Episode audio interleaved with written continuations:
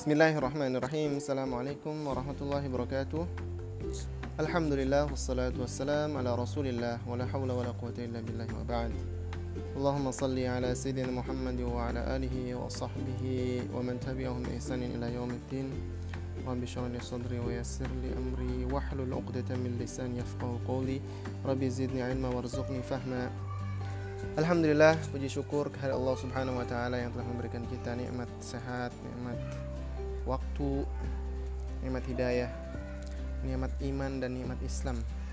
Mudah-mudahan kita sebagai seorang mukmin senantiasa bersyukur atas nikmat-nikmat yang Allah Subhanahu wa taala berikan kepada kita.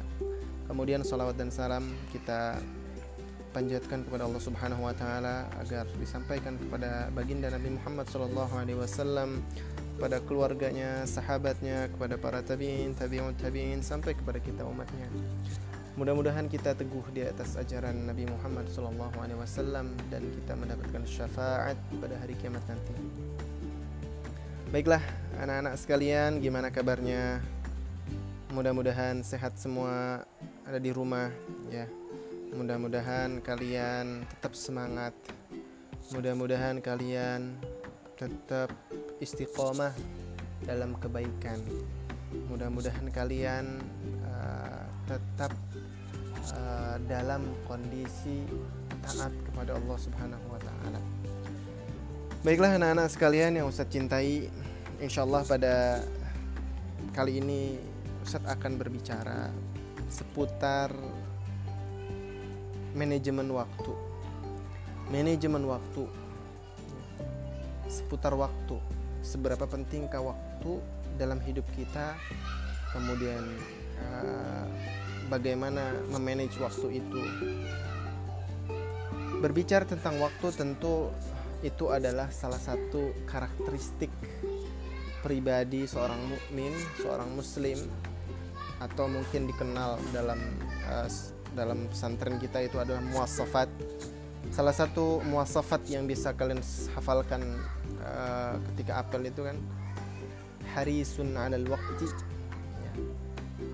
dia pandai seorang mukmin itu pandai mengatur waktu dia selalu tepat waktu itu ya nah berbicara tentang uh, seberapa penting waktu itu tentu Allah Subhanahu wa taala ya sering sekali menyebut ya kalimat waktu dalam Al-Qur'an sangat banyak sekali. Sampai Allah Subhanahu wa taala bersumpah atas waktu itu. Dan itu tidak hanya sekali, banyak sekali. Mungkin kita bisa temukan di surat Al-Asr, wal asri demi masa. Innal insana lafi khusr.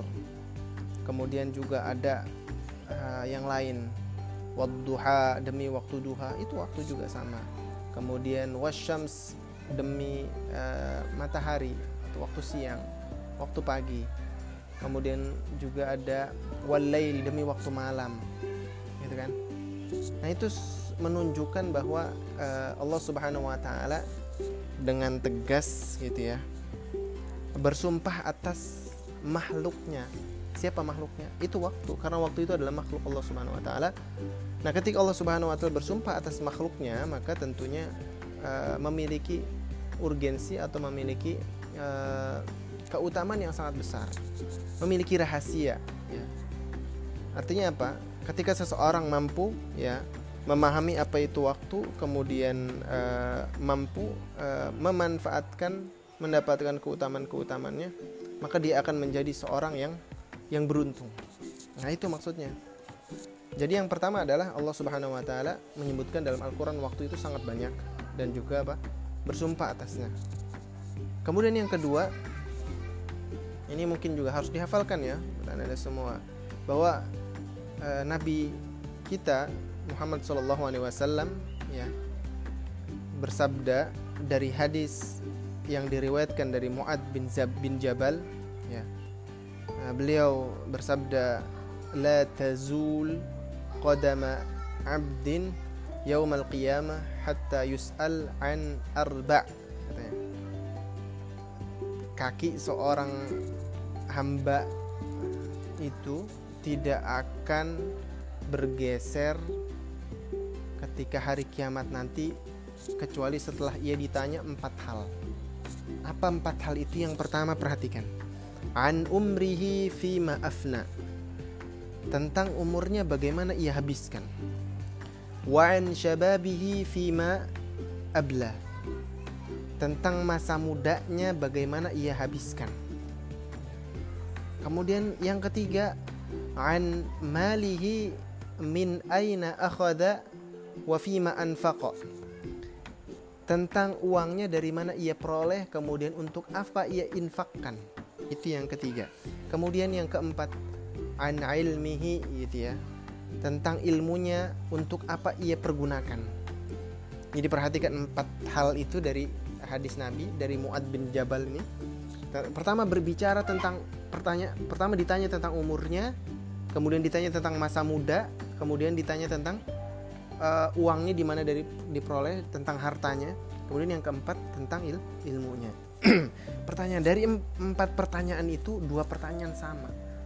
Dua pertanyaan itu berbicara tentang waktu. Pertama tentang umur kedua tentang masa muda. Nah nah itu ya makanya perhatikan surat al-asr wal asri innal insana lafi khusrin Demi masa sesungguhnya semua orang itu dalam kerugian. Jadi semua orang dalam kerugian. Tapi perhatikan kalimat berikutnya illalladzina amanu kecuali orang-orang yang beriman.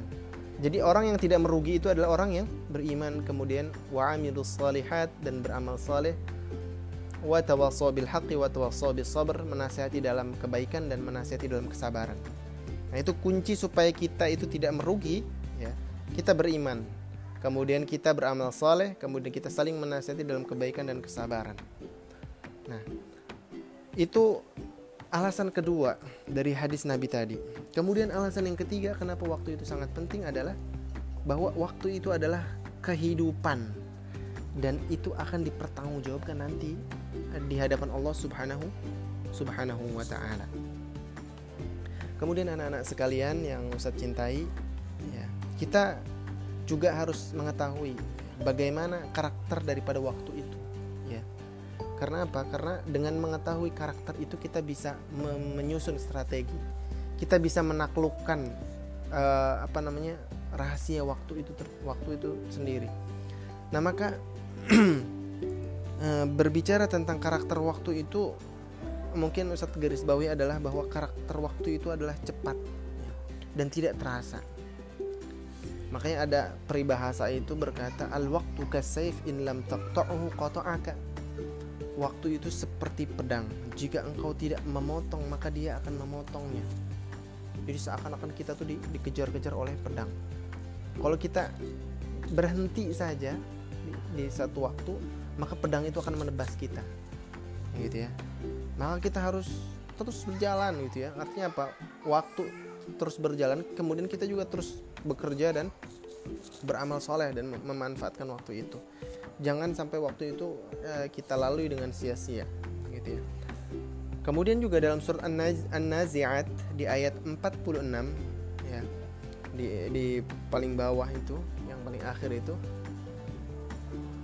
ka'annahum Allah Subhanahu wa taala berfirman ka'annahum yawma yarawnaha lam yalbathu illa ashiyatan aw duhaha ini adalah kondisi seseorang ketika hari kebangkitan. Bagaimana mereka menyesal ya. Mereka menyesal apa? Menyesal atas kehidupan yang mereka lalui dan mereka berkata seakan-akan kehidupan itu hanya apa? Ka'annahum yaru yauma yarawnaha ketika hari kebangkitan itu mereka berkata apa? Seakan-akan kami melalui uh, apa namanya kehidupan itu seperti uh, waktu pagi dan waktu sore yang sangat singkat gitu ya. Itu adalah uh, penyesalan orang-orang yang tidak memanfaatkan waktu ketika hari kia hari kiamat. Artinya apa? Memang karakter waktu itu adalah cepat gitu ya asyiyatan au duhaha itu seperti waktu pagi dan waktu sore. Itu sangat cepat sekali gitu.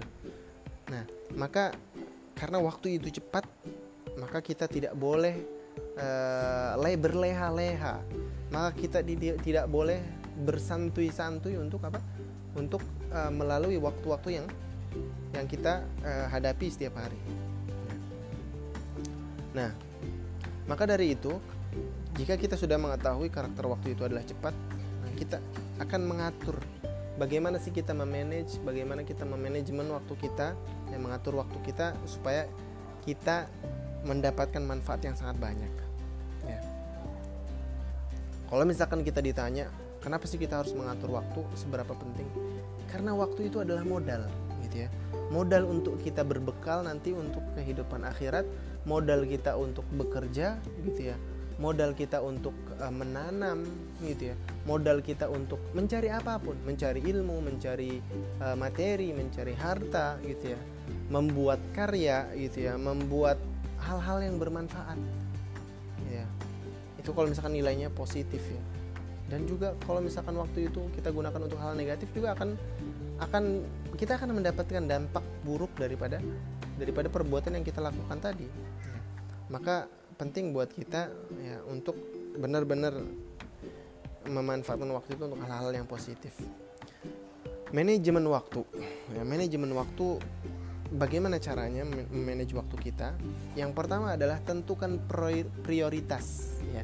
Tentukan aulawiyat atau hal-hal yang lebih utama. Itu tentukan dulu. Apa sih eh, masing-masing harus menentukan prioritasnya dalam hidup terutama ya. Misalkan waktu ini prioritas saya harus ibadah kepada Allah Subhanahu wa taala, kemudian menabung amal. Kemudian masuk surga gitu ya itu prioritas kita maka semua waktu-waktu kita dari pagi sampai sore itu juga harus mengandung itu semua hal-hal terkait ibadah amalan kemudian berbuat baik itu harus menjadi prioritas gitu ya. Dari semua kegiatan yang ada dalam hari-hari kita. Kemudian yang selanjutnya adalah membuat target dan rencana. Ada target harian ada target bulanan ada target tahunan.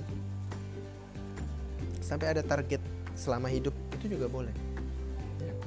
makanya kalian harus bisa tuh ada visi misi hidup ya. Membuat target rencana. Target harian kalian apa? Misalkan tilawah satu juz kemudian eh, apa namanya berinfak kemudian sholat tepat waktu itu juga harus terencana. Setiap bulannya apa? Setiap bulannya eh, membayar infak eh, apa namanya membayar zakat kemudian apa? Nah, target-target uh, akademis misalkan atau ataupun target-target yang lainnya membuat uh, apa inovasi karya dan lain sebagainya. Kemudian berikutnya yang ketiga adalah kita melaksanakan daripada target-target yang kita buat tadi gitu ya. Dan jangan ditunda-tunda. Ya, para ulama itu berkata la tuakhir amalaka ila al-ghaddi ma taqdiru an ta'malahu al-yawm. Jangan engkau tinggalkan amal pekerjaan itu sampai esok hari jika engkau bisa mengerjakannya hari ini gitu ya. Karena salah satu karakter uh, syaitan itu adalah taswif. Taswif itu nanti kerjakan besok kerjakan besok. Nah itu adalah uh, yang harus dihindari buat kita. Laksanakan hari ini juga laksanakan bulan ini juga laksanakan tahun ini juga sesuai dengan target dan yang rencana yang kita buat. Kemudian berikutnya adalah sabar. Kita harus sabar ya melaksanakan semua targetan melaksanakan semua jadwal-jadwal yang kita buat gitu ya bagaimanapun kondisinya kita harus sabar sabar ketika melihat uh, teman kita uh, asik bermain sedang di jadwal kita kita harus membaca buku dan lain sebagainya menghafal. Kita sabar ya. Sampai kemudian itu menjadi kebiasaan kita setelah menjadi kebiasaan itu akan menjadi kebutuhan buat kita sendiri. Sebagaimana kita makan gitu ya. Kalau kita misalkan udah terbiasa dengan sholat duha insya Allah nanti itu akan menjadi magnet tersendiri ketika kita tidak melaksanakan sholat duha di hari itu ada rasa yang kurang di hari itu. Nah maka dia akan senantiasa seperti makan nasi gitu ya. Itu menjadi kebutuhan. Nah kemudian yang terakhir itu juga harus dievaluasi ya. semua waktu kita ya dalam sehari itu harus ada evaluasi ya. Setiap malam kalau bisa sholat taubat dan evaluasi sebelum tidur merenung apa aja yang sudah dilakukan apa aja yang uh, perbuatan yang baik ataupun yang negatif itu dievaluasi di hari itu. Kemudian juga setiap hari dievaluasi setiap bulan dievaluasi evaluasi setiap tahun dievaluasi. Karena dengan evaluasi itu kita tahu uh, mana yang kurang nanti ditambal ya. Mana yang sudah baik nanti ditingkatkan lagi. Dan berikutnya Ustadz akan uh, berbicara seputar kebiasaan-kebiasaan yang ada di di kita.